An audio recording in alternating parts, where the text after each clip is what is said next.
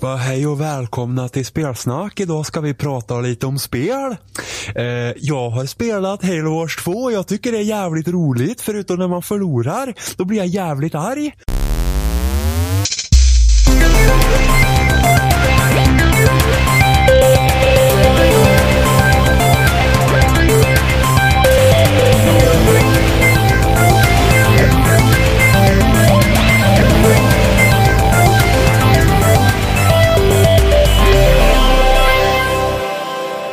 Välkomna till Spelsnack avsnitt 157 och idag har vi jag Bobster och vi har Jimmy. Jajamensan. Jaja- Direkt i etern. Fan vad gammal du lät. Jajamensan. Ja. Jajamensan. Direkt, Direkt, direkt, direkt. direkt från etern. I de Ja. norrländska skogarna sitter vi och drar en podcast. För Norrländska edra öron. skogarna. Ja, men jag tänkte att var är det mörkt och i, finns eh, massvis med hopplöshet och in, ingen ljus framtid. Och jag hör, helt plötsligt hör jag så här, vem vill bli, bli miljonär? TikTok så här. Perfekt så här. Är det Norrland? är det Finland? kan också vara Ryssland. Faktum är att eh, där jag går i skolan, Ja. så I finns ju, Norrland. eh, precis, så finns ju Kar- Karolinska universitetssjukhuset. Mhm. Det ser ut som ett mini-Ryssland för det är fan gråa jäkla dassiga betongväggar. Alltså det är typ så här att jag skulle aldrig vilja dö på det sjukhuset.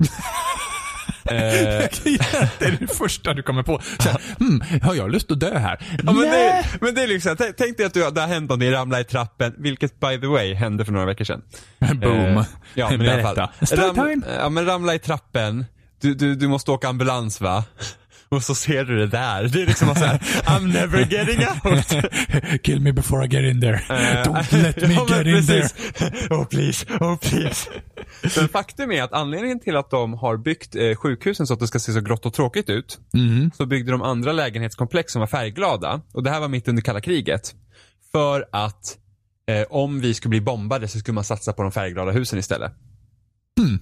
Så med andra ord så offrade man hellre civila människor än de sjuka. Yes. Fast i och för sig, läkare är bra att ha. Så att eh, vi kan väl säga att vi räddat dem istället. Mm, precis. Så att eh, när kom man på då, när man skulle bomba Sverige, att eh, satsa på de tråkiga husen? Jag Det känns ju inte. som en taktik som inte håller för all evighet. Nej, men kalla kriget höll inte på en evighet heller. Nej, Och så vi är det. blev- så, vi och blev heller inte under kalla... Nej, men man var, man var jätterädd för att det skulle ske eh, kärnvapenexplosioner. Precis, precis. Eh, och eh, det är allt jag vet om det. Hur vet du ens det här? Eh, min klasskompis vet det. Han är bra på att trivia. Så att jag vet ju inte heller hur mycket sant det är. Men i dagens klimat, vad spelar det för roll? På, på tal om krigstider och Sverige. En anledning till att man inte hade lust att attackera Sverige överhuvudtaget var för att vi har ju landningsbanor lite här och var i Sverige. Aha. Eh, för, alltså så här bara som ligger mitt ute på vägen till exempel. Ja, men mot Uppsala till exempel så har den en lång sträcka som är jättebred liksom, och bara rak och lång. Ja. Eh, och eh, Man vill inte attackera Sverige gärna för att vi svenskar hade liksom, vi kunde landa vart vi ville. Eh, vilket gjorde att det fanns inga liksom, så här, mm, taktiska flygbaser som man direkt ville bomba. Utan Sverige kunde liksom landa sina flygplan lite var fan de hade lust. Eh, och det gjorde, det gjorde dem till ett hot lite överallt hela tiden. Vilket gjorde att det var också ganska oattraktivt att attackera oss. Ah. Också trivia under kriget. Jag har för mig att det var under andra världskriget som vi hade Smällde- som mest användning. det. Smällde en bomb i Sverige under andra världskriget för att någon flög vilse och bombade fel. mitt, Whoops! mitt i Stockholm. Hate when it happens. Ja, hur? Så bara, mm, det här ser väl ut som Ryssland. Han såg Karolinska universitetssjukhuset och det här är Ryssland. Ser fan för jävligt ut. Alltså det här är ju väldigt mycket generaliseringar och eh, vad heter det? Det här andra som är dåligt. Eh, förutfattade meningar. Precis. Titta. Om Ryssland. Kommer ni ihåg det avsnittet när jag rackade ner på Polen? ja, du, du har hunnit racka ner på en hel del genom åren Jimmy. Det är ingen Jajamensan, fara. jajamensan. Men det är väl okej att racka ner lite på Tyskland? Nej, Ryssland. Tyskland är väl bra? Alltså jag har ju gett upp och försöka lägga band på dig, så go ahead. Tyskland är the good guys nu för tiden. Visst är de det? Alltså det går ju lite mot högerhållet även i, i Tyskland. ja, men det går ju hela väg, världen ju. Ja, men det är lite märkligt för Tyskland ändå har jag upplevt det som att de håller väldigt hårt på att absolut inte gå åt det hållet igen. Ja, men det är typ, de är väl ännu mer hårdare på nazism i Tyskland. Det Det, det, det är ju ja. typ så här, det är typ strängt förbjudet att göra vissa saker liksom. Det är, det är väl till och med strängt förbjudet med nazism som ideologi överhuvudtaget i Tyskland. Ja. Det jag för mig att det är helt och hållet så. Ja. På det- tal om eh, krigstrivia. Eh, jag har för mig att det var bomben över Hiroshima. Aha. Den kyrkan som bomben smällde rakt ovanför Ja. står kvar än idag. Ja, men det är något sån här... eh, Det är ju också någon sån här, eh, du vet de här japanska typ trä... eh, En, det är en memorial. Ja men typ. Den Ja. höll ju här för både bomben och tsunamin Ja. och massa Eh, annat. Det, det, ja. i, I den kyrkan, jag har för mig att det är en kyrka, så eh, finns det även en klocka för, som resetar varje gång en ny atombomb smälls. Ja. Japanerna var så jävla stenhårt envisa att de vägrade ge upp efter den första bomben. Ja. Men det var också, det här var också den japanska regeringen som, nej, nej, nej, nej, nej. De kapitulerade efter första bomben. Gjorde de? Yes, men USA lät smälla Fatman ändå. Okej. Så var det, just det, så var det. Fast som sagt, vem vet i dagens klimat? Ja, just det, så Oavsett vad jag säger. This fake, pesky fake news. Let's listen to some alternative media. Kallar man oss för alternativ media? Nej, absolut inte, för ingen nyhetsrapportering. Och jag tänker absolut inte kalla mig för alternativ media heller. Alternativ Jimmy. Nej. Alternative Jimmy. Oj, oj, oj. Alternative Eh, facts. Nej, men jag, jag, jag känner mig ändå lite hedrad så här i Trump-tider. När Trump säger att, att, att, att, det är helt ohållbart det som händer i Sverige. eh, och, liksom, och speciellt när han sa det här, åh det som hände igår liksom. Last night eh, in Sweden. Swe- Precis. Jag är lite förvånad över hur uppmärksammad han var på det här. För att eh, det var ju en liten tragedi här i Sverige ändå. Eh, jag fick tokspö i Halo 5. Vad sa du att du sa? sa du? jag, fick tokspö i Halo 5. Jag tyckte också det var jävligt sorgligt. Ah, Last det är, night in Sweden. Jag vet, och det är ohållbart. Jag håller med. Fullkomligt ohållbart. Det är fullkomligt ohållbart. På tal om saker vi har fått spö i, Jimmy. Det Så har vi, gett oss, vi har gett oss in i matchen igen. Ja, Den stora matchen. Alltså, där några av mina absolut hårdaste, finaste, coolaste och häftigaste spelminnen finns. I multiplayer-väg. vad roligt. Den delade vi inte tydligen.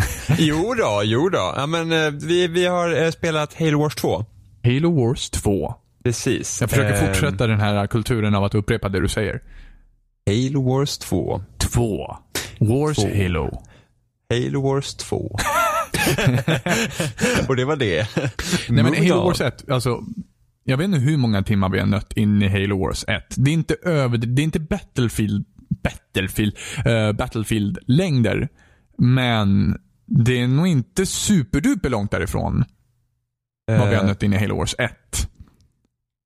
Ja, alltså jag skulle nog säga kanske att vi spenderade 100 timmar kanske Wars 1. Vad sa du? 700 timmar? Nej, 100 kanske. På sin 100? höjd. Vänta, jag borde ju kunna se det här. Eh, om det finns kvar. Nej, nu söker jag fel. Ehm, Och medan du typer tappar så ska jag passa på att harkla med och etc.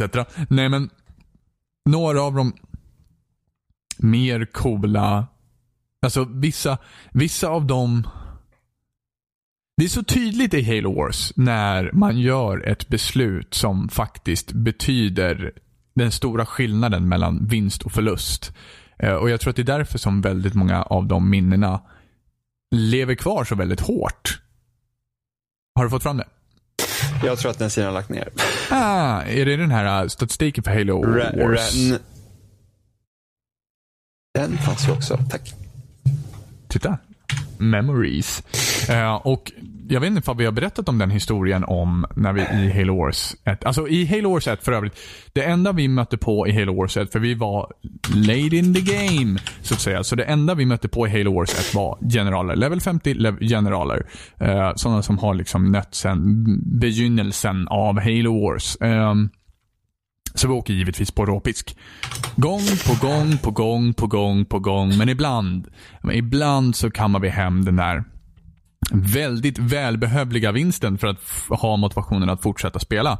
Och i just de fallen där vi har vunnit och har tagit oss an de här två generalerna som vi oftast möter. Eh, generalerna, det vill säga deras rank, högsta rank. Eh, så har det oftast berott på något beslut som är liksom matchavgörande, som är totalt matchomvälvande. Uh, har du hittat statistiken nu? Jag har spelat 226 games har jag spelat. 226 uh, games? Ja, precis. Och det är cirka 20 minuter per match? Ja, ungefär.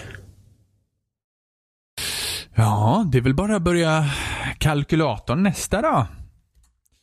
226 gånger 20. Delat på 60. 75 timmar. Ja. Är det inte mer än så vi spelade? Vi kan nog spela, men vissa matcher pågår ju längre. Så ja, att, så är det. Eh, vi har haft matcher som pågått i två och en halv timme. Ja, men det är inte så ofta. Men så jag skulle säga runt 100 timmar. Ja, ja precis. Uh, men i alla fall, den matchen som, som jag minns mest från Halo Wars, Halo Wars 1 det vill säga, Eh, är den matchen när vi möter två generaler på en bana som inte jag kommer ihåg vad den heter. Men det som händer är att en utav, eller båda, jag får båda på mig. Båda general, generalerna på mig, på min sida. Eh, och jag får stor stryk och jag säger till Jimmy, Jimmy, du måste hjälpa mig nu för det går åt helvete. Eh, och jag hör Jimmy, Jimmy är tyst i fem sekunder innan han säger Robin, du måste hålla ut. Nej, nej jag sa bara, jag tror jag bara, jag bara Håll ut. Ja, ja men det var verkligen så här, tystnad fem sekunder och sen så får jag liksom det beskedet och jag bara, ja, vad ska jag göra? Så att jag sätter in allt jag kan och jag lyckas hålla dem på den jäkla linjen som de var på hela tiden. Och de kastade allt på mig. Och Jimmy går bakvägen runt och sabbar deras baser hela vägen runt. Och de vänder inte den här offensiven mot mig, utan jag lyckas hela tiden hålla dem på den här linjen. Ursäkta, Jesus. Ah! Så, eh, jag håller dem på den här linjen hela tiden. Och Jimmy går runt och tar dem hela vägen. Varenda liten bas de har kvar. Och alltså den vinsten. Jag har aldrig känt mig så välförtjänt av en vinst som jag gjorde då alltså. Det, den det... matchen var sjuk. Ja, men det var så sjukt för att jag ser att de attackerar dig och de kommer verkligen med allt. Ja. Och jag var redan en liten bit ifrån och, så, jag, och jag körde då eh, Sergeant Ford så han var jättebra med tanks. Eh, så det är liksom min specialisering. Jag har hållit på med, med, med fordon. Eh, och jag var så här, okej. Okay, de ger allt på honom nu. De kan inte ha kvar något vid sina baser och börjar sluta deras baser så kan inte de fortsätta attackera mig. Fortsätta attackera. Eller så vänder de om så att du får liksom eh, andrum. Mm. Så jag börjar ta basen och de liksom vänder inte. Och jag bara fortsätter och fortsätter och du liksom bara pumpar ut enheter och enheter. Det, det var, ja, det, det, var, var helt, det var så helt stört. Det, den matchen, alltså. Jag hade så gärna velat spara och titta på den igen alltså. Ja. Den, den var, det, det, är legendariskt. Jag, jag kommer berätta om den här historien för mina barnbarn liksom, i detalj. Nu går inte jag så djupgående i detalj exakt vad som hände, men jag minns väldigt väl de här olika sakerna som händer. Mina sex stycken Cobra som står där utplacerade på varsin liksom en halvmåneform. Och hur de hela tiden liksom byter taktik för att komma åt mig. Hur jag hela tiden försöker förutse och kontra den taktiken. Och dessutom försöker hålla uppe två stycken olika taktiker hela tiden mot dem. Uh, så det var verkligen ett skyttekrig utav inte denna värld. Och jag uh, kunde inte heller säga åt dig vad jag skulle göra för jag ville inte att du liksom skulle säga ja men det fixar sig. Utan ja. jag var mer bara så att okej, okay, du gör det du gör och sen så har jag en plan här i baken. Ja, för alltså, allt som min tanke låg i det var att du kan inte hjälpa mig just nu. Jag måste göra det här själv. Det var det enda som jag kunde tänka på. Mm. Och det var verkligen så här, jag accepterar ju på en gång när du säger det så här. Håll ut. Och jag bara, okej. Okay. liksom, jag visste ju inte. Du kunde ju lika gärna haft helt slut på enheter eller vad som helst liksom. Och jag var alldeles för fokuserad på min plan halva för att överhuvudtaget kunna komma över och titta på vad du gjorde. Men det var sjukt. Det var riktigt sjukt. Och nu är vi tillbaka där igen. Ja.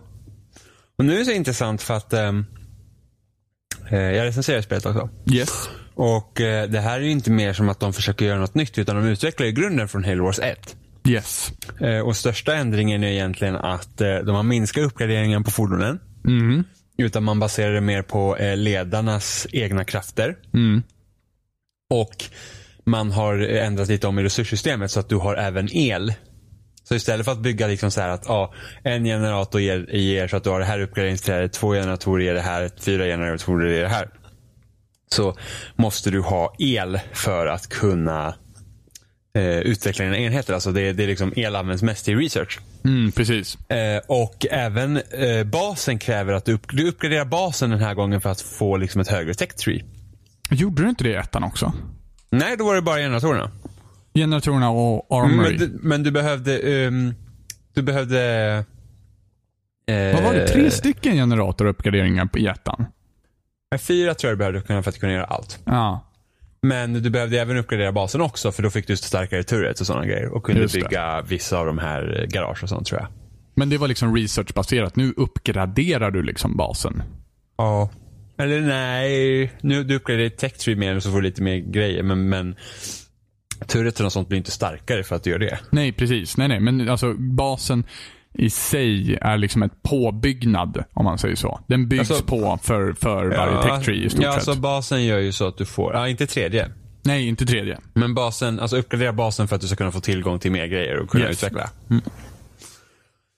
Eh, och ehm, det ger ju liksom ett helt annat flow i ma- matcherna är lite, jag skulle säga att de är lite långsammare på grund av det kanske. Eller, Ja, i, alla fall, i alla fall start game känns lite långsammare, tycker jag.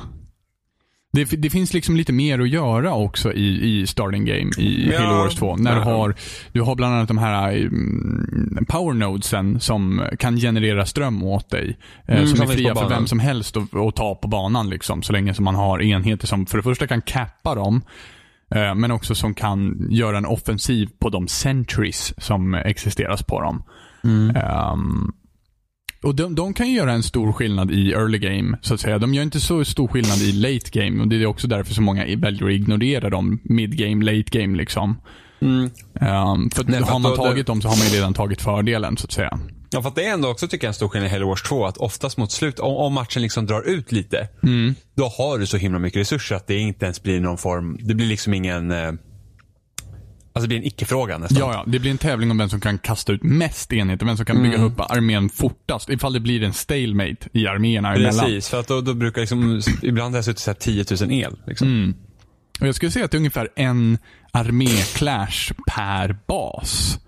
Alltså per offensiv så är det en armé-clash. Liksom. Den som klarar sig helskinnad, eller mestadels helskinnad från den. Eh, och det, det här varierar givetvis. Om du har om du har någonting som kan motverka de enheterna som motståndaren kommer med så kommer han vara ovanligt, eller du kommer vanligtvis inte undan helskinnad. Eh, Men ifall du har helt fel strategi, då är du oftast körd. Alltså då är din bas körd där också. Ja, alltså det intressantaste jag tycker nu med, med spelet är att nu kommer folk börja ut, utveckla strategier. Yes. Så vi hade ju en rätt så bra strategi eh, som vi nästan anammade från vårt spel från Halo Wars 1 där du byggde plan och jag fokuserade på typ tanks. Ja. Som sen mynnade ut att jag satsade på Marines och Warthogs för att då kunde man göra en ganska tidig attack. Precis. Ehm, och det fungerade bra första dagen.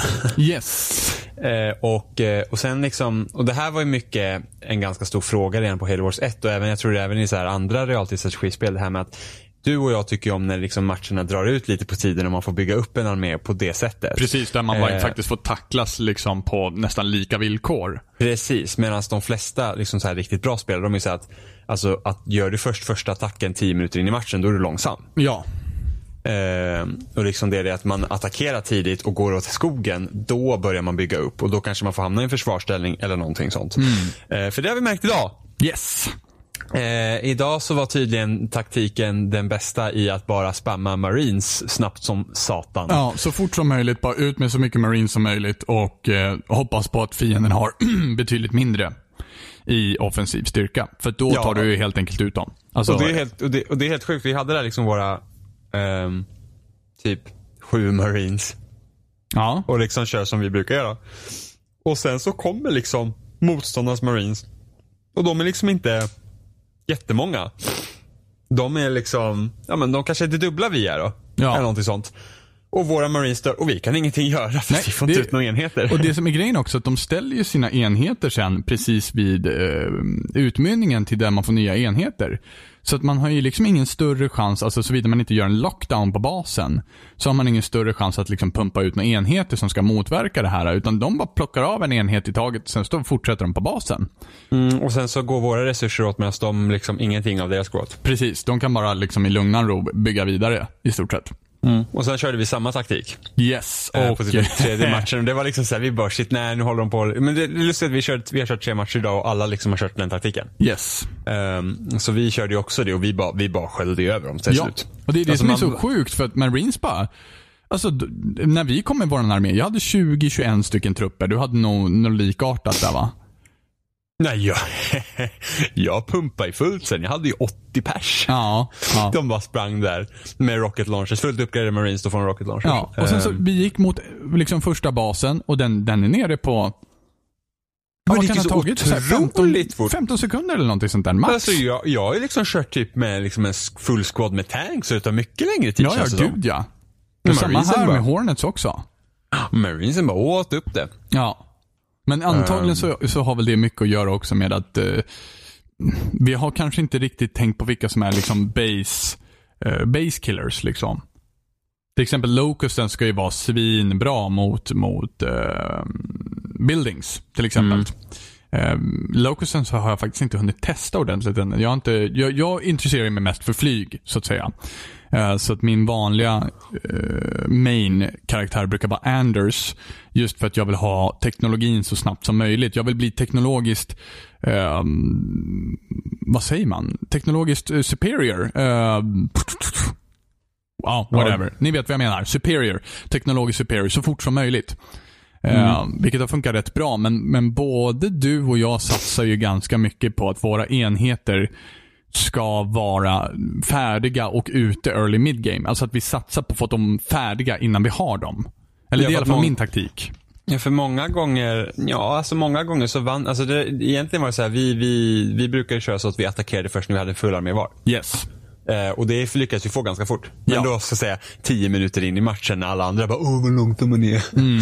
Jo, men det som vi, vi också har till fördel är att när vi börjar bygga enheter och har dem liksom en, en lagom fullgod armé till early mid game är ju det att ehm, vi har ju en bra defensiv även fast de gör, ger sig på offensiven. Så att ifall de kommer till oss så har vi redan en bra armé att kunna kontra den med. Vilket gör att vi liksom kan kontra. Vi kan göra en ganska snabb retaliation om man säger så. Ja fast vi, nu på senare tid så har vi faktiskt åkt på spö. Nej, Yes. har, för, för de kommer med andra enheter. Så att det är liksom så att eh, min taktik var att man bygger billiga enheter i början och sen kör man iväg. Men problemet var bara att mina billiga enheter pallar inte de större enheterna sen. Precis. Eh, och det är så konstigt för att, för att liksom kommer de med flamethrowers som är liksom, eh, äter upp marines, då är det kört. Ja. Liksom. Fast man har rocket launchers. Men sen tycker jag ibland så tycker jag spelet är konstigt. Så ibland eh, känns det som att man Alltså man kommer med en stor armé och man vet att man har bra grejer och de får liksom inte ut något. Nej, det har jag också varit med om flera gånger. Det är liksom som att de bara, ah, nu har den där eh, tanken halva livet, nu byter jag tank. Ja men precis, precis. Och det, det, det är det där också, eh, när man är i striden så måste man ändå vara lite fokuserad på vad man gör. För att jag har mött Alltså jag har mött en fiende som har haft Wolverines mot mina flyg då. Eh, anti- Anti-air då mot mina flyg. Eh, och jag har ändå kunnat ta, tagit ut dem med lätthet på grund av att jag har fokuserat på fighten. Att jag liksom väljer all units, att jag väljer en av deras units att gå på. Så att jag plockar en Wolverine i taget. Eh, Medan motståndaren kanske inte alls är lika fokuserad på det. Och därför så liksom bara hoppas på att hans Wolverines ska skjuta ner min, mina airs. Mm. Eh, men det där har även backfirat på mig. För att ibland har jag mött, alltså en match när jag körde Solo Wars, alltså en mot en. Så har jag åkt på råpisk även fast jag haft en bra taktik. Och jag, har, jag förstår fortfarande inte hur det har gått till. Så att, jag vet inte, ibland känns spelet jätterandom. Ehm, och jag, jag blir jättefrustrerad över att de, det här nya sten, sax, påse-systemet som äger rum, jag vet inte ifall det är nytt sen Halo Wars 1 heller, men just det att soldiers, eller infantries, eh, trumpar, haha, eh, flyg. Ja, att, jag att tror- det liksom, flyget är svagt mot, mot uh, infantries. Och det, det känns inte jätteintuitivt på något sätt. Liksom. Det känns inte särskilt självklart. Så därför så har jag åkt på spö många gånger på grund av det också. Sen vissa med de, de bygger ju så jävla fort. Så att man gud, liksom ja. bara, hur är det ens, hur är det möjligt? Liksom när det bara kommer typ enheter på enheter. Man säger bara, ja. Ja, jag- liksom, vad, vad har jag gjort? Nej, man förstår liksom inte. Nej. Och det är det som är charm, mycket charmen med spelet också. För att man har med, med stora möjligheter ändå att hitta egna taktiker. eh, och olika öppningsmodeller. Till exempel, det är en stor skillnad på att börja med en supply pad på sin bas för att få in en liksom, supplies för att bygga trupper. Eller jämfört med att man bygger en generator först för att kunna börja uppgradera så snabbt som möjligt. Alltså det, den ena lägger grunden för ett liksom mid-game och den andra lägger grunden för ett early game. Eh, vilket är sjukt coolt för det är bara en, det är bara en byggnad som är skillnaden. Men den gör en stor skillnad mot liksom mitten av, av matchen så att säga. Eh, Ja, ehm, nej, men det, är kul i början när man får liksom lära. Alltså för att det är så att, okej, vi mötte det här. Hur ska vi kunna kontra det? Mm. Eh, så det är det vad som är roligt. Och det är att du och jag tänker i banorna redan nu av att hur stoppar vi det här infantry-spammet i early game? Utan att, själv re- kunna infantry spamma. Liksom. Precis, och så att vi kan retaliata också med ett early mid-game. För att de kommer ligga efter när de har bara pumpat ut sina enheter. Ja, men ibland så är det så himla lustigt när vi liksom har varit ganska aggressiva i början och vi liksom tar ut deras enheter. Mm. Och då tänker man, ja men nu attackerar vi basen. Och det bara fortsätter komma enheter Ja, som ja. är ännu bättre. Och man bara, hur? Och så tittar man så här, ja de har en bas. Ja. Och så man bara, jag har tre. Ja men precis. Och hur Och mycket bara, resurser som helst och det funkar liksom inte. Ja. Så, att det är liksom, så det ska bli kul att se vilka strategier som kommer ut av det här. Och jag tror att mycket av vårat spelande måste handla om att, att byta, alltså veta om de här små nooks and crannies som existerar. Till exempel som att eh, Wolverines behöver inte uppgraderas. Alltså de kan uppgraderas alltså, till, till vehicle level 1, vehicle level 2, vehicle level 3. Alltså Ja, den men det- generella uppgraderingen för att samtliga vehicles. Ja, för då får de ju damage boost och health boost. Precis. Men till exempel Wolverines har inga extra uppgraderingar. Det är bara att pumpa ut enheten. Hornets däremot har en uppgradering plus sina tre stycken vehicle upgrades. Ja, men det är bara att uppgraderingen på Hornets är helt sjukt. Sitter, då sitter det liksom Marines i Hornetsen. Yes. Och de skjuter ju så jävla mycket. Så det, det, alltså det är liksom, det kan, alltså jag har haft Wolverines mot Hornet som inte bara klarar av det. För Ja. de bara, Det gäller liksom att ha eh, ungefär ifall, ifall du är ifall du har en strategisk eh, styrka mot en annan styrka. Alltså att du har en, en, en att du har Wolverines mot flyg. Så krävs det ungefär att du har hälften så många enheter som den andra har enheter. Så att om det kommer 20 flyg, då gäller det att du har ungefär 10 stycken Wolverines. Då jämnar den ut sig den matchen. Då blir det ungefär stalemate. Eh, Det beror ju också mycket på hur man använder sina krafter. Till exempel Y-kraften. eh, För Wolverines Wolverines har ingen. Wolverines har ingen, men Nej. Hornets har väl ingen heller? jag vet inte, men eh, det, det, det är så klassiska typ att tanksen har ju sin eh, Canister Shell. canister shell, eh, marinesen har ju granat eller eh, rocket, launcher. launcher. Så att det, det är liksom, man måste verkligen lära sig att utnyttja det. Ja, och det, det gäller att veta verkligen när ska jag börja utveckla det här. För någonstans i early mid-game också, då börjar ekonomierna spåra ur. Eh, till exempel, jag kan ha jättemycket resurser och bara, ja, det är bara att utveckla allt. Det är bara att Ja. sätta igång och utveckla. Men det gör att man tappar väldigt mycket tid. Ifall man, ifall man liksom ska ha så här, ja men nu kom de med den här styrkan och jag har satt de här tre grejerna på utveckling. Ja. Då har man tappat extremt mycket tid istället. Och det kan också vara avgörande. Det är det som är så häftigt med det här spelet. Det är, det är så många val som är så väldigt avgörande. Och det är inte alltid att det är uppenbart, eller det är sällan det är uppenbart just där och då. Det är oftast liksom så här uh, hell in hindsight, att man liksom får titta bakåt och bara, ja ah, okej, det var det här jag gjorde fel. Hmm, hur gör jag det bättre nästa gång?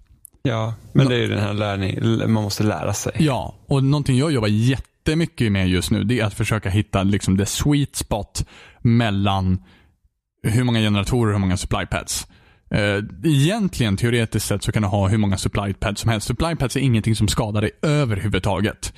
Eh, men tidigt i spelet kan det vara, ha, vara bra att ha en jättestark inkomst utav el. För att kunna uppgradera hela tiden. Um, men sen så efter ett tag när du har börjat uppgradera alltihopa, då börjar det bli dags att kassera in dina generators. Så att du kan få ut mer supply pads. Ehm, och det är det här jag försöker hitta en sån här fin liten sweet spot. Så här. Hur uh, mycket generatorer behöver jag för att kunna göra mig av med så mycket som jag får in och inget mer än det. Många mm. sådana effektiviseringar är det man letar efter. Um, kampanjen var sådär. Ja.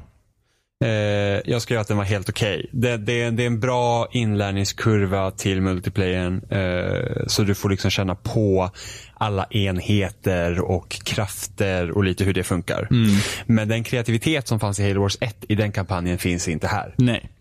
Eh, det är liksom det är speciellt de uppdragen när du springer med en enhet och så springer du längs en bana och så bara klickar man. Så att ja. ska springa framåt. Det är helt värdelöst. Men det, det är det så ju, tråkigt. Det måste ju ha någonting att göra med att man bara ska lära sig den enheten. Liksom. Jo, jag vet, men det är ändå tråkigt. Fruktansvärt tråkigt. För att eh... basbyggandet är liksom 75% av spelet.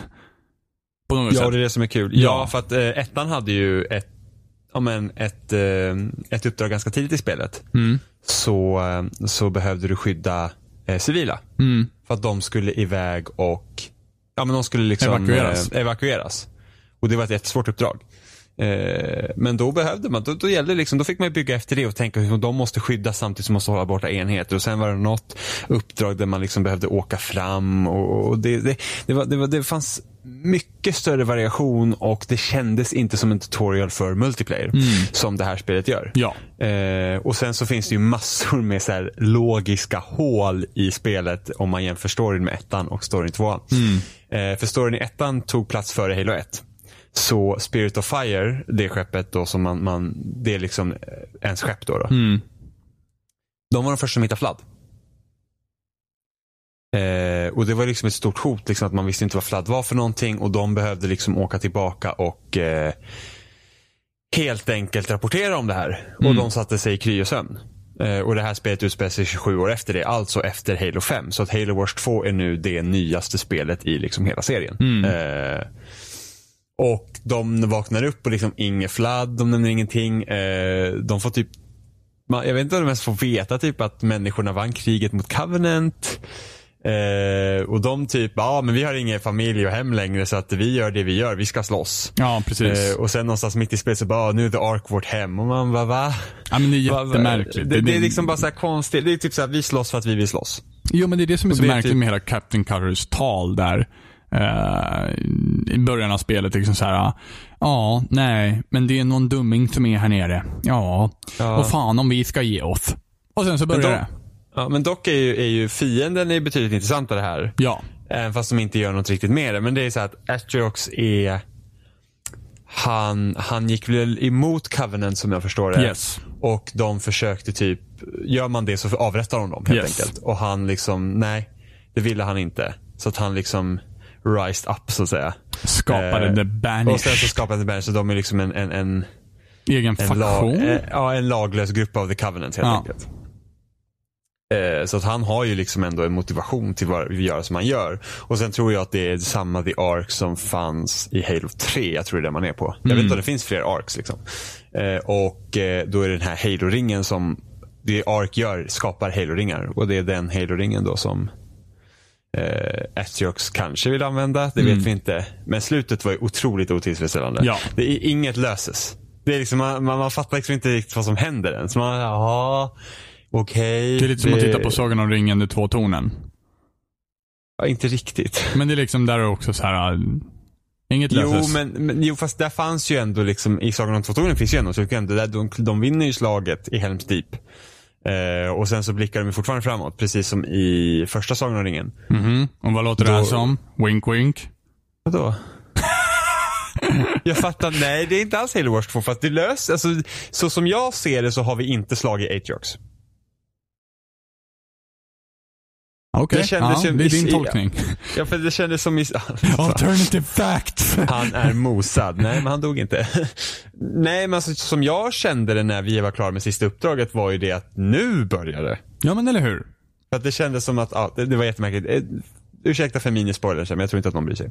Eh, men, men Alltså, i alla fall så att det... det säger väl lite grann hur, hur rädda vi är för att hålla med den här, hoppa, kasta runt med den här storyn. För att den är, jag vet inte, den är ja, men på, på klassiskt Halo-manér så är den liksom lite så här. intetsägande. ja och lite så luddig och, det är inte värre än Halo 5. inte, men, nej, Halo 5 är katastrof.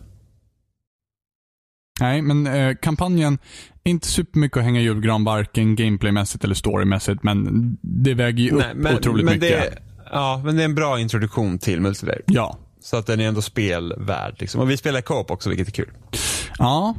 Förutom att, jag, jag var inte helt nöjd med systemet hur man spelade co-op, att vi delade på armén på det sättet som vi gjorde.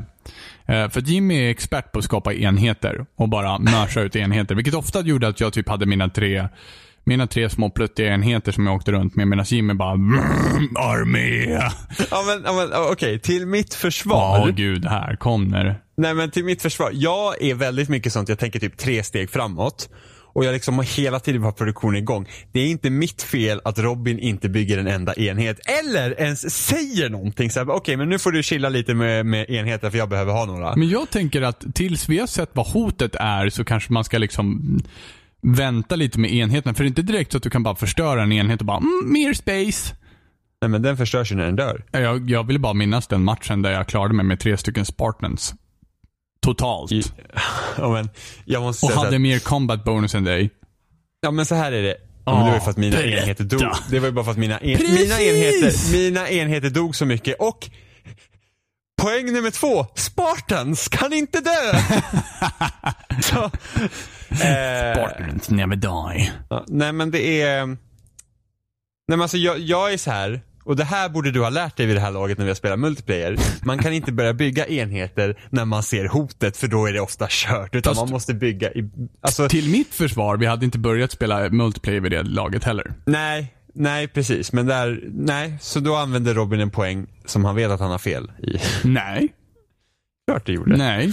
Det, inte börja bygga när du ser vadå? hotet, då är Det det för förändrar sent. inte att du är så här gigant-ego bara. Nej, "Armé!" nej det, ja men du får ju säga till att du behöver ha enheter. Ja, men det är ju först när jag ska börja bygga enheter som jag inser att du har liksom fyllt upp varenda slott. Ja men då kan du säga till mig, Jimmy kan du ge mig några enheter? Ja, at your mercy, please. ja, för att det, det är liksom, jag är såhär, okej men nu är det här så du måste ha en enhet. Så, så, på en bana så hade jag koll på typ tre jäkla, jag hade typ battle på tre olika håll och Robin bara såhär, jag har svårt att hålla A.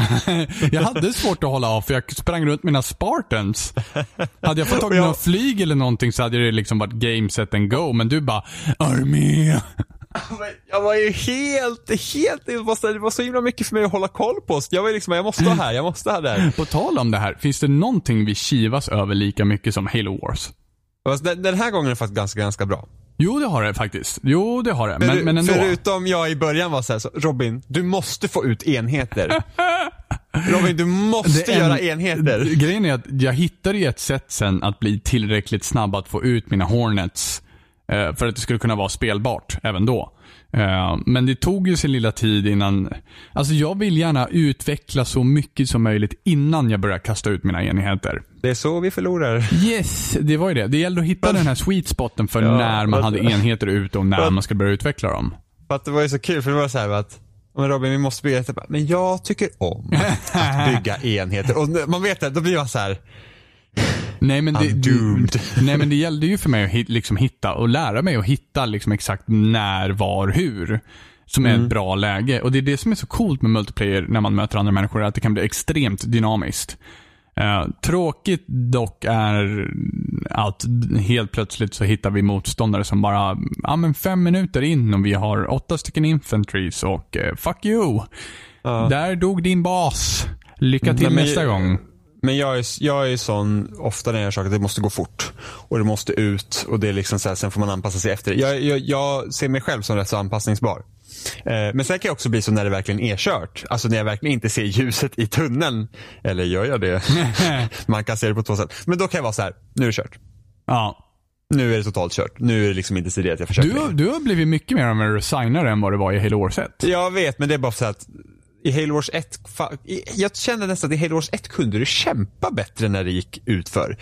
I Halo Wars 2 är det verkligen så att när det går utför, då är det liksom, då är det fan brant stup rakt ner till helvetet. Ja, det liksom. gäller att du vinner tid. Vinner, eh, vinner Ja. lite mycket tid. Och det enda sättet att vinna tid på, det är att bygga fler enheter. Och du behöver den tiden för att bygga enheter Ja, som faktiskt men- krävs. Men sen också när man kommer till den, som vi har pratat om innan, när man kommer till den punkten i multiplayer där resurser inte blir problem för den som det går bra för. Mm.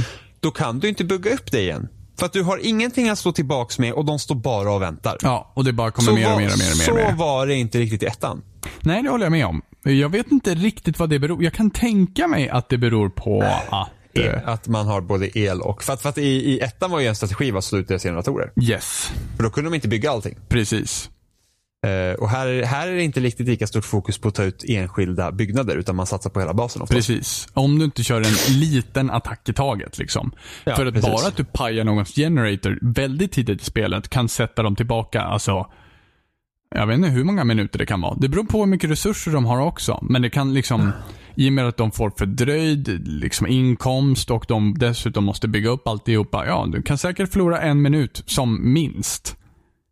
Men, det, men, men det, är lite, det är lite på hur man tänker liksom. Jag vet att vi hade många dust i Halo Wars 1 när du hade dina idéer och jag bara, det där kommer inte funka. Och du, och du var så här, då vet jag, när Robin blir tyst, då är det så här, nu är han envis. sen, sen säger inte jag att alla, alla mina råd är bra heller. Jag gör ju också givetvis fel. Men det var ibland var så här att det där kommer inte att funka. Jag bara, jo. Vilket också kan hända i Battlefield. Man har spelat Battlefield 3 många gånger. Och vi spelar ofta Rush. Och så en M-com station är armad. Och Robin är den enda vid liv. Och så bara, Robin, du måste springa till M-com station. Och så, så tar det några sekunder så. Ja, men jag tar ut den här tanken. nej, man bara- man- nej, Jo, nej, så, nej, nej, jo, nej, nej, det nej. har hänt fler. Ja, men jag måste ta ut tanken. Och man säger, men tar du ut, alltså, tar inte vi ut lådan nu så, så finns det ingen tank att ta ut för att då har vi förlorat. Det har hänt ett par gånger. Nej, det har det inte. Jo, det har det. Inte Men- tank som exempel. Jo, jo, det är många gånger. Du bara, Jag måste ta ut den här tanken. Nej. Inte, Jo, det har har inte jag väl tagit Det ut en tank vid en armad låda heller? Nej men lådan har varit, du har inte precis vid lådan. Men det är så här, du måste springa till lådan, men du ska, nej, då ska du fokusera på tanken. Ja, men- för, du, du, för du brukar ofta tänka att någon annan får göra det, men av så mycket erfarenhet vi har med multiplayer Nej, utan att min ingen tanke, så gör här, det. min tanke är så här. Om vi tar ut tanken så slipper den rycka så jäkla mycket tickets av oss. Alltså det vinner oss tid att ta oss fram. Jo, fast det är liksom sista lådan så du är kört. Alltså matchen är förlorad när lådan sprängs oavsett. Ja, ja. Ja, ja. Det är det problemet. Eh, men, det, Tänkte det, du det, defending eller attacking nu? defending. För jag tänkte attacking. Nej, nej, defenders. Nej, nej, attacking är en helt annan grej. Då, då skulle, tror jag inte att du skulle fokusera på tanken på samma sätt. Utan det är defending. Det har hänt. Men i alla fall, för det jag ska tänka på. Det var, jag spelar väldigt mycket Halo 5 med Oliver. Mm. Eh, och eh, när, och när det går dåligt så blir Oliver otålig och springer iväg och dör och dör och dör och dör. Mm. Eh, inte för att jag är så världens bästa Halo-spelare på något sätt utan Liksom, men, men senast när vi har kört doubles, liksom, så jag har ändå lyckats hålla mig vid liv för att liksom, försöka tänka liksom, taktiskt. Och så ser man Olivers bana och så springer han iväg. Och jag har svårt att följa Oliver när han springer iväg för att rätt som det är så är han någon annanstans. Och han pratar aldrig med mig, han säger liksom inte var är fienden någonstans. Utan jag får liksom helt gå på honom. Och sen försöker jag alltid liksom gå runt så att vi kommer från båda håll. Och Olika, men i alla fall. Och en, jag sa så, så att jag, jag bara så här. Oliver, varför springer du dit? Och han liksom, eh, jag har ingen aning. There's enemies there. Nej men, men det är så kul för att jag tänker hela tiden hur jag ska göra för att vinna matchen oavsett om jag är kapabel till att göra det eller inte för att de vi spelar mot är så mycket bättre. Och jag trodde att Oliver tänkte ungefär lika mycket som jag gör. Men att han kanske inte tänker rätt. Men det kom vi fram till att Oliver tänker inte alls. han bara sprang dit. Jag var så här, varför springer du dit? Och han bara, "Nej, jag vet inte. Och då blir det så här, men då tänker jag annorlunda liksom. Det som kan, det som, ifall vi nu ska kasta skit på dig också. Det som kan göra dig frustrerande i, i matcher är att du kan bli så oerhört defensiv. Att man känner att man inte får någon hjälp. Man får ingen stöd i ryggen när man väl kommer på att liksom, "Mm, nu måste vi göra någonting. Eh, och då är du, hänger du bak istället. Och det kan Ja, göra det- dig väldigt frustrerande i spel. Ja, jag vet. Men det är bara det för att jag vet att springa dit med mina enheter nu så är det helt kört för då dör jag. Det är så jag brukar tänka för att jag har inte tillräckligt med understöd för att kunna gå dit. Och sen många gånger vet jag full on försvar.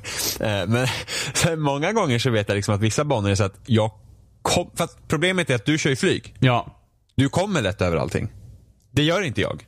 För enheterna är så pass långsamma.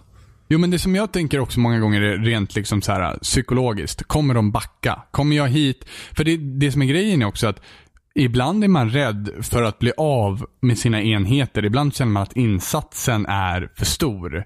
Uh, inte nödvändigtvis för att man förlorar, liksom, ja men tar jag den här striden så kanske inte jag förlorar alla mina enheter. Men har jag fyra stycken marines kvar, vad är det värt? Då är det bättre att backa av. Mm. Och så tänker jag många gånger ifall jag ska liksom, för så fort du behöver hjälp så tänker jag alltid coming to the rescue. Bara som skrämseltaktik i stort sett. Shit, här kommer flyg också. Hur tacklar jag det här? Nu har jag två mm. stycken strategiska enheter mot mig. Uh, Men flygen är också lättare att flytta. Ja, det är de. Ofta, ofta, ofta när jag ska komma till en rescue så är det för sent när jag kommer fram. Ja, det är det. det, är det. Och det, för att det tar så lång tid för dem att gå. Och det här vet, det är väl lite bandesignen skulle jag skylla lite grann på, på det här spelet. För vissa banor är jättebra när vi sitter rätt tajta med varandra. Mm. Eh, och vissa banor är inte alls lika bra för då är det så jättelånga distanser mellan, alltså det kan vara långa distanser både mellan dig och min egen bas. Och mm, ibland och så är det bara som så att fienden väljer den basen där man helt enkelt inte har möjlighet att ens komma tillbaka. Mm. Och jag tror att eh, enheterna är långsamma i det här spelet. Det är möjligt. Det är fullt möjligt faktiskt. För att det var mycket lättare att hjälpa varandra i Halo ja. För att jag har varit med om att jag har förlorat en match trots att jag har gått på motståndaren. Eh, full on. Alltså den, om man säger så här. Jag och en random mötte rött och gult. Gult var Anders och satsade fullt på Sentries, alltså Anders specialenhet. Eh, så den här hade en hel armada av Anders. Jag går fullt på rött. Eh, och gult går på min bas längst bak. Jag vänder tillbaka, börjar ge på en attack, drar ut några enheter men jag är rätt liksom skadeskjuten. Eh, börjar bygga upp min armé, går återigen på rött. Den gula är på mig på en gång. Och jag tänker, nej men nu skiter jag i det här. Nu går jag bara fullt på rött så att jag får ut rött helt och hållet. Och min random kompis, som ni kanske förstår vid det här laget, eh, gör ingenting. Gör absolut ingenting. Den här personen byggde tre scarabs på en runda och förlorade alla tre lika snabbt som han fick ut dem i stort sett. Eh, men det som var grejen är att den gula var så snabb hela tiden på att vara på mig. Eh, även fast jag var på den röda och plockade ut honom. Att jag hade ingen chans. Jag hade ingen chans att återhämta mig. Det fanns liksom ingen suck överhuvudtaget. Den gula var så snabb runt överallt. Att jag hann inte ens tillbaka skydda min bas om jag så skulle velat att göra det.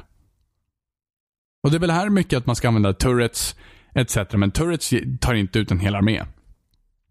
Turrets kan försvaga en armé lite lätt ifall du har dem på din egen bas. Men, eh. Leader powers, eh. Det är, ja om du inte har typ Glassbeam. Glassbeam är ju svinbra ifall du möter en typ en superunit eller någonting. Men annars så tycker jag att det, är, det kan vara ruskigt svårt för att ofta så är du ute och lallar med hela din armé. Det är inte som att du lämnar en liten klutt bak och bara Ja, lycka till att skydda basen nu gubbar, ha det bra! Utan du tar ju med hela armén för att ha så stor force som möjligt mot den andra som det bara går. Eh, lämnar du några enstaka kvar, det är ni bara ond bråd och väldigt säker död för dem när det väl kommer någon efter dem. Eh, så det där, jag vet inte, jag tycker det där kan vara jättesvårt just med att man... Eh, jag tycker att två baser per spelare räcker gott och väl. Men det finns de lägena där du faktiskt har tre baser per spelare. Eller två på en och tre på en annan. Och det, det blir för svårt att försöka skydda alla baser samtidigt ifall den andra har en, en eh, väldigt mobile unit, så att säga. Vart jag skulle komma med den här ranten vet jag inte riktigt. Jo, snabbt och långsamt i Halo Wars. Tror jag. Mm. Refresh my memories. Det går långsammare i Halo Wars 2. Mm, jag tror det. Just det, dina enheter kommer inte tillräckligt snabbt till undsättning för mig, nej. Just mm, det, så är det ja.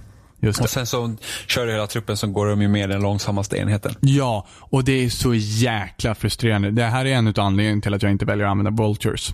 Överhuvudtaget. För Nej. Vultures är nog den långsammaste enheten på hela spelet. Bortsett från möjligtvis UNSCs eh, superunit. Vad nu den heter. Vad heter den? Det är något jättestort flygplan. Ja, men... Eh... Ja, det var en bra fråga vad den hette. Men den är också slö som fan. Uh, Infantries är också rätt slöa. Ifall man inte har Cutter, för Cutter kan uh, använda en leader power som gör att de går lite fortare. På tal om det, du kanske borde spela Cutter Jimmy? Nej, för att min eh, karaktär som jag kör med kan bygga sina enheter så pass snabbt. Mm. Och jag har, I like och jag har här som, som utvecklar väldigt snabbt. Än så länge så har inte jag hittat min, jag har inte hittat eh, riktigt eh, charmen med eh, Covenant. Men nu gjorde jag aldrig Halo Wars 1 heller. Nu känns de ju mer likartade, Covenant och, och UNSC i alla fall. Vilket är skönt. Mm. I Halo Wars 1 så hade de ju oftast Heroes i, i ehm, Covenant-lägret som gjorde, ja men det fanns På ju en gång. Ja, det fanns ju en, ja men de får ju en poäng, starting point på en gång. När de, eh, typ när de, när de uppgraderar basen eller någonting så får de en Covenant. Ja. Covenant Hero. Och det var ju kört. Alltså, vi hade ju en match där det kom en arbiter och bara slaktade oss totalt. Vi hade ingenting att sätta emot. Med Halo Wars 1? Ja, Nej, men de hade ju, led, de hade ju sina heroes från början när de startade matchen. ja men precis. Jag tror att, är det inte som så att de bara behövde uppgradera basen eller någonting? Nej, nej, de hade dem på en gång. De hade dem på en gång ja. Och det De det som, kunde direkt springa iväg till basen. Ja, och då hittar ju vi vår taktik, sätt upp en turret. Och det räckte gott och väl. Mm, och typ två Warthogs. Ja, men här är ju Heroes mycket starkare. Ja, men då så måste man köpa dem på ett annat sätt också. Ja, men de pallar ju så otroligt mycket mer stryk. Och jag vet inte, Sergeant Forge, eh, Warthog där till exempel, den är helt... jag vet inte hur man gör. Jag har inte lyckats få ut den ännu. Från någon som har den. Den är snabbare än alla mina enheter också. Det spelar ingen roll att jag har Hornets, den bara drar iväg i alla fall. Zoom! Bazinga säger den och sen så, ja. Då är det bara för honom att bygga upp en armé igen liksom. Men Halo Wars 2 Jimmy. Mm. Nej, kul. Bra spel. Yay or nej? Men det är bra. Ja, så gillar man strategispel så visst. Ja, och ett av de få, om inte enda strategispelen som kommer ut på typ konsol. Ja. Ja, så det är ju inte direkt... Det är ingen stor marknad för det. Nej. Men jag tycker det Eh, funkar väldigt bra för att vara på konsol. Ja, det gör det. Ehm, City Skylines ska komma ut nu egentligen. Yay! Till konsol. Men alltså det jag undrar över City Skylines. Alltså sådana där spel körs ju bäst på dator. Ja. Oavsett. Eh, jag undrar om det kommer ha modstöd.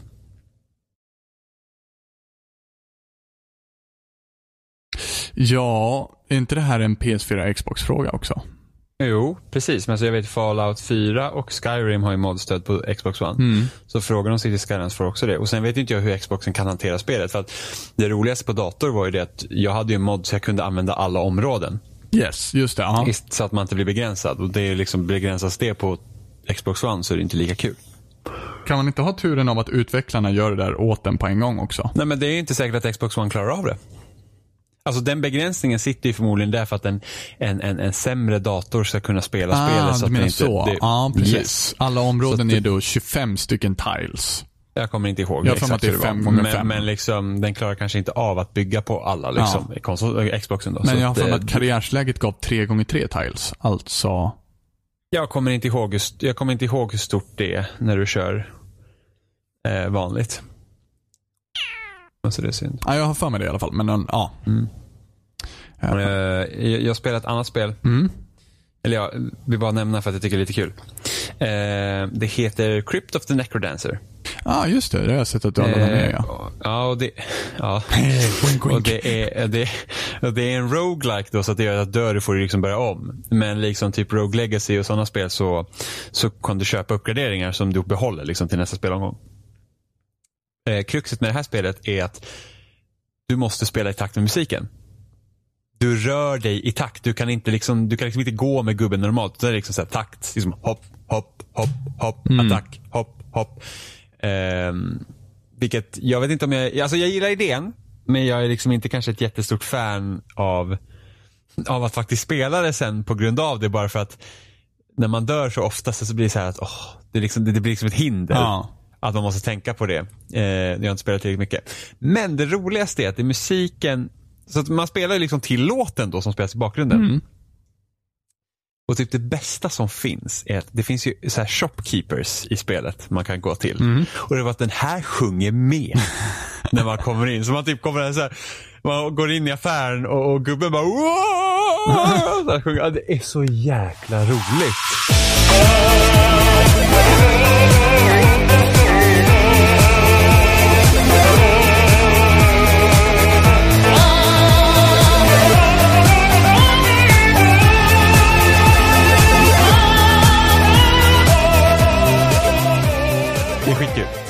Så gillar man roguelikes så visst, spela det. Jag har inte spelat tillräckligt mycket men det är så här att man kan ta upp eh, då och då. För ibland kan jag spela Binding of Isaac fortfarande och lite sådana där grejer.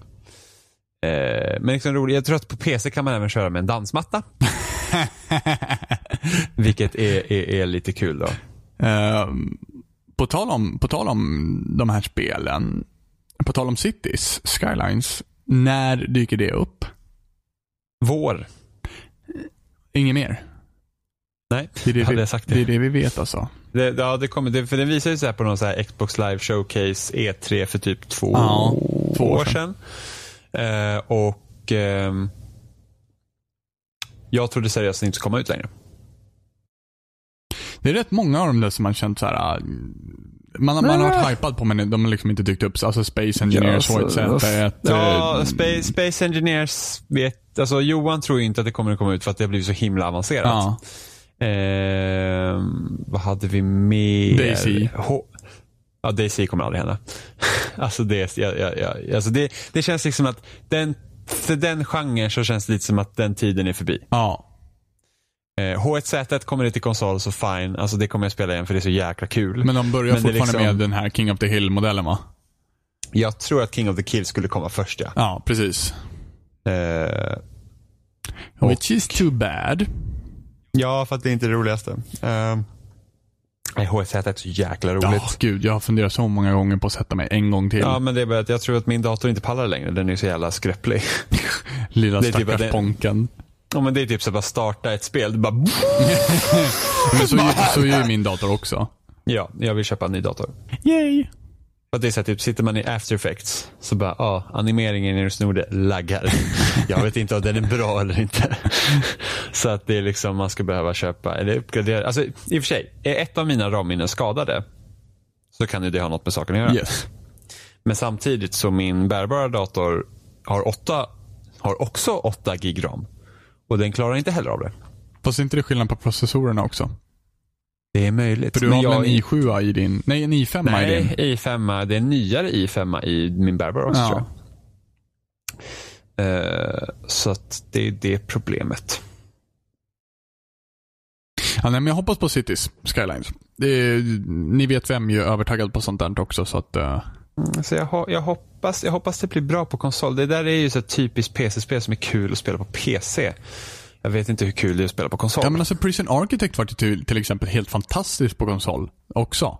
Så att eh, jag tror men- absolut faktiskt att City Skylines kan bli skitbra. Precis, det, det går ju. Det, du säger inte att det är omöjligt. Men City Skylines är lite, det är, lite, det är nog lite mer pill än vad Prison Architect är.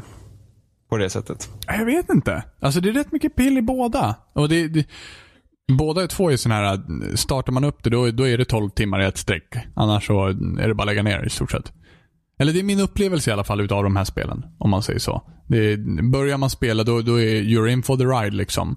Uh, du är inte klar förrän din första stad är helt klar i stort sett. Du är inte klar förrän ditt första fängelse är helt klart i Prison Architect.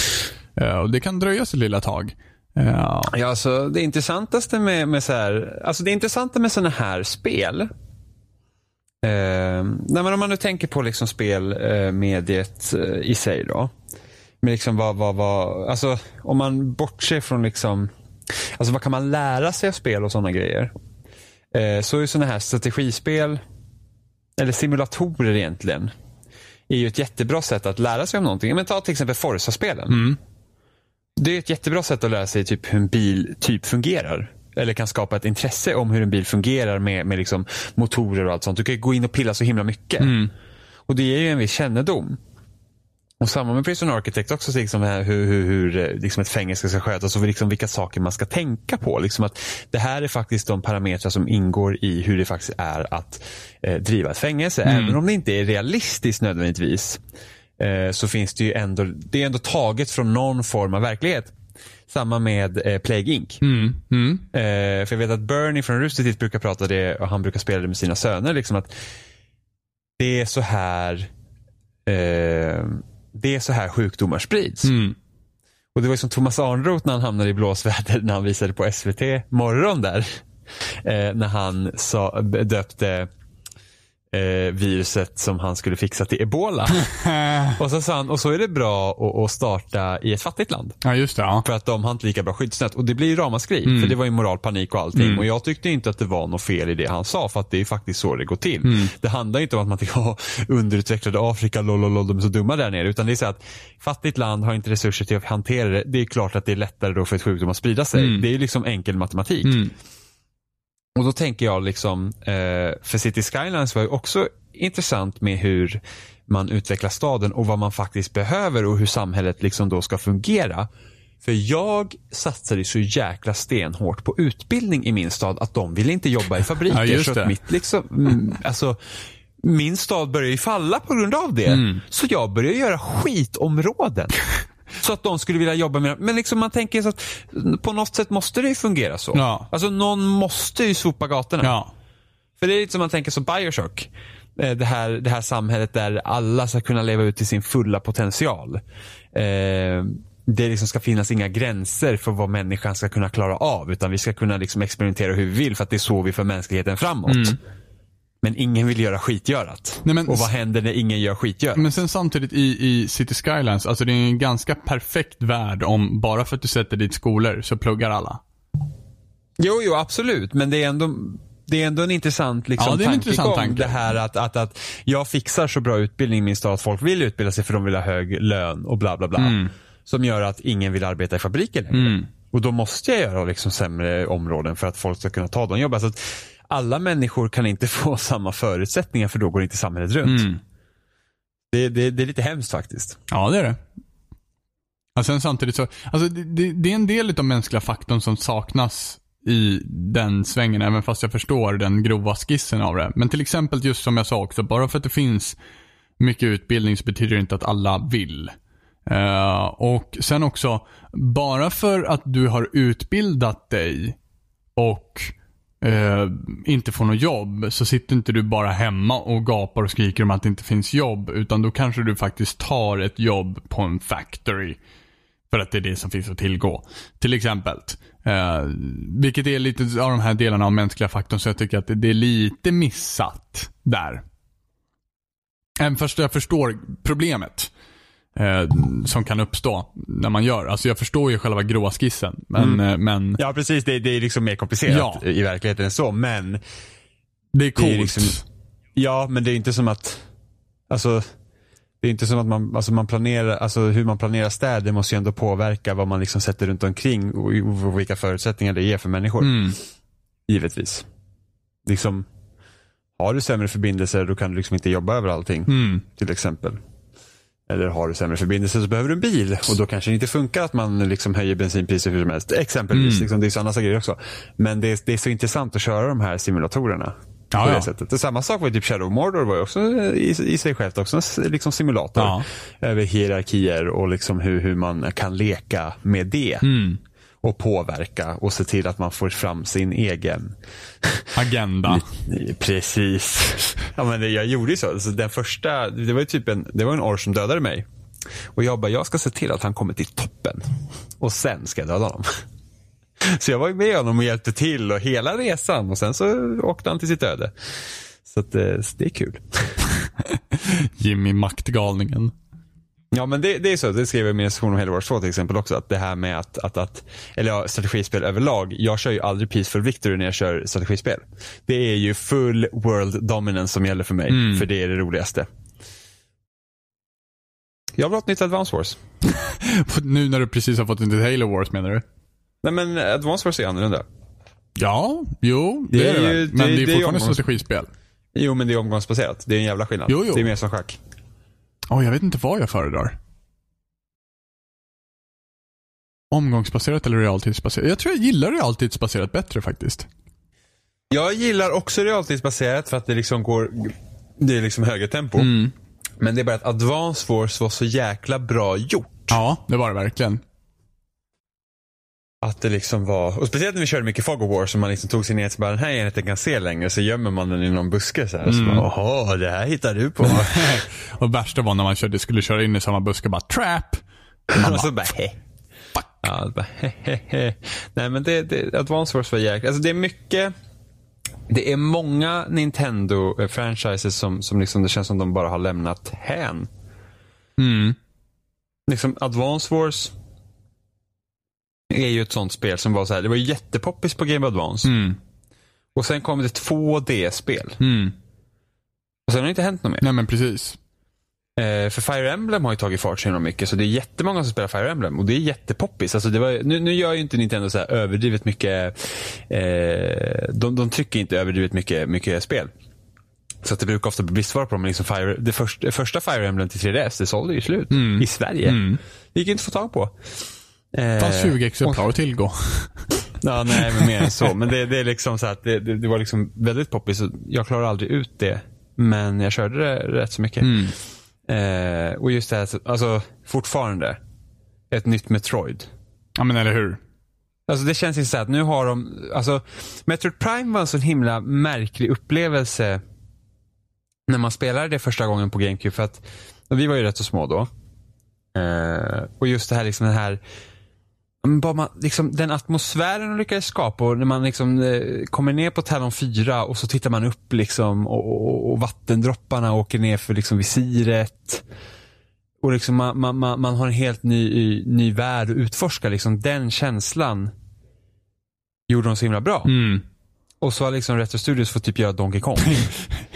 eh, och så, så kom det Other M. Other M spelar jag aldrig men, men jag har ju inte hört bra saker om det. Och, och Nintendo har liksom ingen riktig sån Alltså de, det, det saknas grejer i deras repertoar just nu för att det, det, det, det de blandar ut det med är ju massa 2D-plattformar. Mm. Mm. Det är så här att hur intressant, alltså Yoshi's Woolly World var 2D-plattformar, så var det Donkey Kong och sen så hade de New Super Mario Bros och sen så, ja vad hade de, alltså det, det är liksom alla deras serier skulle vara så här 2D-plattformar. Hur kul är det? Mm.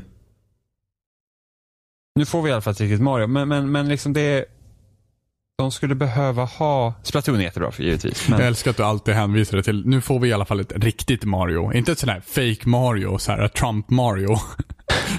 nej, nej, alltså, Nintendo anser säkert att 3D World var liksom så här ett, ett riktigt Mario. Mm. De har fel. det, det är bara så. Wrong. Ja, wrong. You're wrong. Eh, nej, men det är, alltså det är, det är, den magin, alltså här är det. Jag gillar ju hubbvärlden i Mario-spelen. Alltså 64, Sunshine, Galaxy. Mm. Jag tycker det är jättekul att ha en hubbvärld och sen hoppar man in i banor och de banorna har flera olika stjärnor på sig i olika dimensioner så banan ändras lite beroende på vilken stjärna man vill gå efter. Det tycker jag är ett jätte, jättebra system. Det jag inte tycker om, som de gjorde i Galaxy 2, det är det här att en planet är en bana. Vilket gör att det känns som att spelet är mer fragmenterat och liksom, du får inte riktigt lära känna världarna ordentligt. Och förvisso vissa Vissa banor i Galaxy 2 hade såna här Comet Stars och såna här grejer så att man, det fanns fler stjärnor på vissa banor. Men det är fortfarande den här kartan från typ Super Mario World, Super Mario Bros 3 och, som de liksom anammade igen. Och det tycker inte jag om i 3D Mario. Jag vill ha den här hubbvärlden med de här grejerna, allt, att det liksom hänger ihop. Alltså Sunshine hängde ihop jättebra. Du var på den här paradisön och varje bana var en del av ön. Mm. Det var ju superbt. Eh, och, sen har, och Galaxy var ju liksom helt magiskt. Men 3D World var ju också karta om jag inte har för mig. Det är liksom det här, det är så åtta världar. Första är en vanlig värld, så kommer vattenvärlden och isvärlden och eldvärlden och spökvärlden och bla bla bla och bla bla bla bla bla bla. Det är inte kul. Och nu får vi ju, nu, nu får vi ju eh, ett nytt med, med Odyssey. Yes. Förutom att den här jävla staden är ju horribel. Alltså det finns ju inte en enda människa som inte hade skjutit Mario på fläcken när han hoppade upp i ett jävla rör. Yahoo! Är ja, alla bara what the fuck! Marcus Finis kommer där och bara nice! Tuggar Åh igenom. gud. Eh, nej, så snart är det ju switch time. Mm. Jag är väldigt peppad. Eh, visst är det sjukt att vi har suttit och snackat så här mycket om Switch vid det här laget och pratat om det som vi har gjort och sen så är vi ändå peppade på det. Ja, men man, det är ju konceptet. Ja. Det är ju det som, det, är, det är liksom, det finns ju fortfarande de här farhågorna som Nintendo. Liksom. Nintendo är Nintendo. Men konceptet är så jäkla lovande. Alltså jag bara ser framför hur jävla lätt det är att ta med sin switch och sitta och spela Splatoon med en kompis.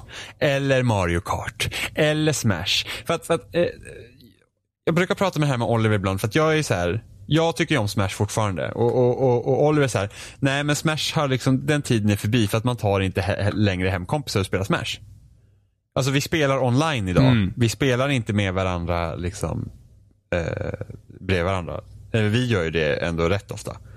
Men, för vi bor rätt så nära varandra. Men, men generellt sett gör man inte det längre och Nintendos online brukar suga för att det laggar när man spelar Smash online. Och sen är det inte riktigt samma sak när man inte sitter bredvid varandra. Men med Switch så kan ju det totalt ändras. För att du kan ju ha med den över allting. Och det är inga, det är inga stora skivor du konkar på heller som allt ligger på kassetter. Eller om man nu vill ladda ner spelen. Eh, ja, till Nintendos 32 GB internminne vilket typ 9 GB går åt till operativsystemet. Men du kan köpa SK-kort. Men i alla fall.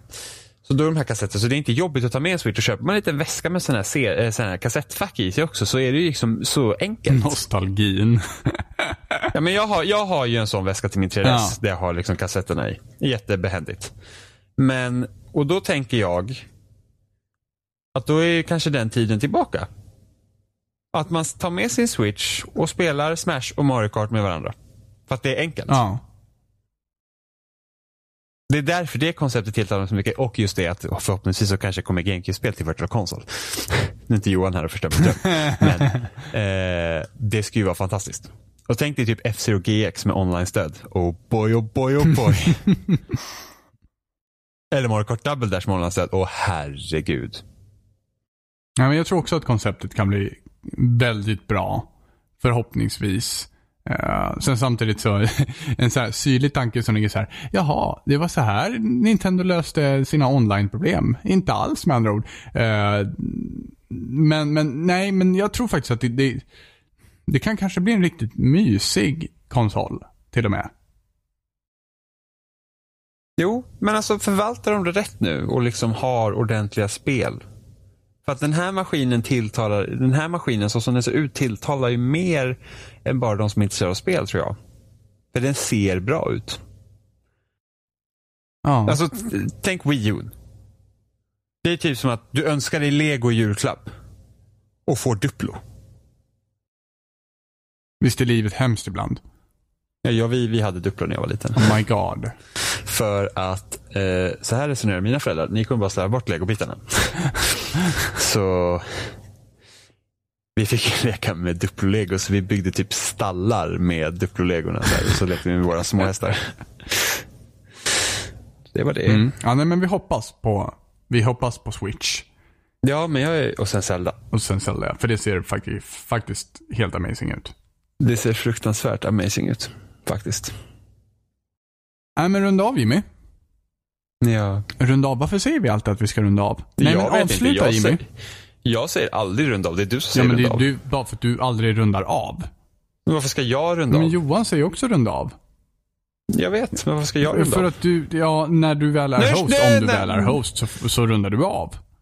Nej, då säger jag nu är det dags att sluta. Nu är det dags att säga hej då. Nu säger vi hej då. Nej men, eh, spelsnack. Vi finns överallt. Ni vet att vi finns överallt. Sprid det till alla andra så att de vet att vi finns överallt. Vi finns i era hem, vi finns i era mobiler, vi finns i era smart-tvs, vi finns i era datorer, vi finns i era högtalare, vi finns i era i, i, telefoner har jag sagt. Men vi finns även på spelsnack.com och där kan ni hitta länkar till vart vi finns överallt i. Eh, där ni också kan ladda ner oss överallt. Ni kan ladda ner oss precis överallt. Men mm, framförallt så finns vi på spelsnack.com. Vi finns på facebook.com slash spelsnackpodcast. Ja, eh, vi finns på Twitter, eh, spelsnackpodd. Hör av er eh, ifall ni vill någonting, ifall ni vill berätta någonting, ifall ni vill säga någonting, ifall ni vill kritisera någonting, ifall ni bara vill ge någonting att prata om. Eh, gör som Commodore 75. Be, mm, Commodore 75 är en bra kille, tjej. Ehm, vi finns på YouTube och vi finns på alla era RSS-flöden, sånt där som Johan alltid nämner som jag aldrig har någon riktig koll på. Men vi finns som eh, på alla möjliga podcastappar som ni kan komma på. Och eh, loading.se. Yes, vi finns. Vill vi hävda. Vi finns, nu, vi finns numera på den här podcastfliken på loading också. Just det. det tog bara typ tre år. Men vi är äntligen där. eh, Så att, eh, Ja. spamma den Och knappen nu- fram och tillbaka. och, nu, och nu är det så här. Va? Att vi har ju funnits på, på, på loading i tre år nu. Jag tror 2014 var det vi fick komma dit. Ja. Och nu har ju Loading fått sin egen podcast som var före detta IGN Sveriges. Yes. Ja, och det tycker vi inte om. så att, vi vill ju slå dem då. då.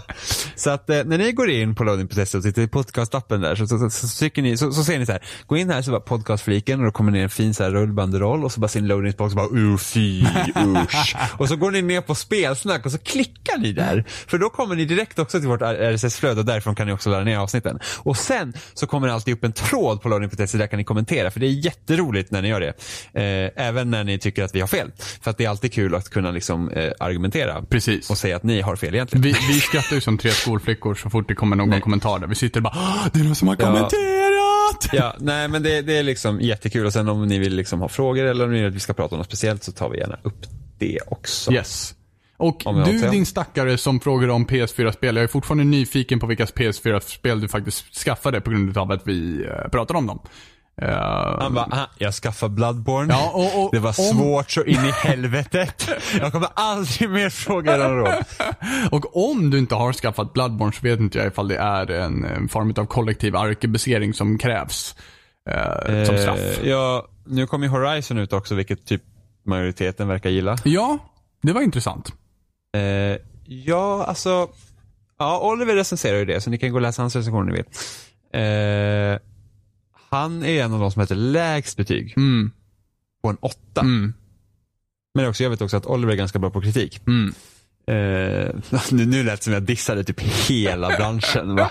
Oliver kan kritik, Alternativ liksom. media. Mm. Nej men jag har ju hört, jag har ju hört många tycker liksom att ah, det här är Playstation 4s bästa exklusiva spel. Ja. Eh, för att ja, det liksom är typ skitbra. Ja. Eh, och jag är inte spelare än så att jag kan inte uttala mig om det men jag tror ju generellt sett så brukar jag inte hålla med. Och jag har jävligt svårt att se, se att det ska slå Bloodborne. ja. Det ska vara riktigt jäkla Men- bra i så fall. Ja, men man vet ju aldrig. Så att, eh, problemet är bara att det kommer ut den första mars. Yay! Två dagar senare kommer liksom Zelda. Japp. Så det är så här. Ja, alltså jag hinner inte spela ett 40 timmars spel på två dagar och sen spela Zelda. Klart du gör. Du har ju åtta timmar för att sugen. sen. Boom, titeln på avsnittet. Lol. Nej du. Åtta timmar för att sova sen. Ja, men vi rundar av Jimmy. Vi har redan rullat Ja, då säger vi hej då. Hej då. Hej då.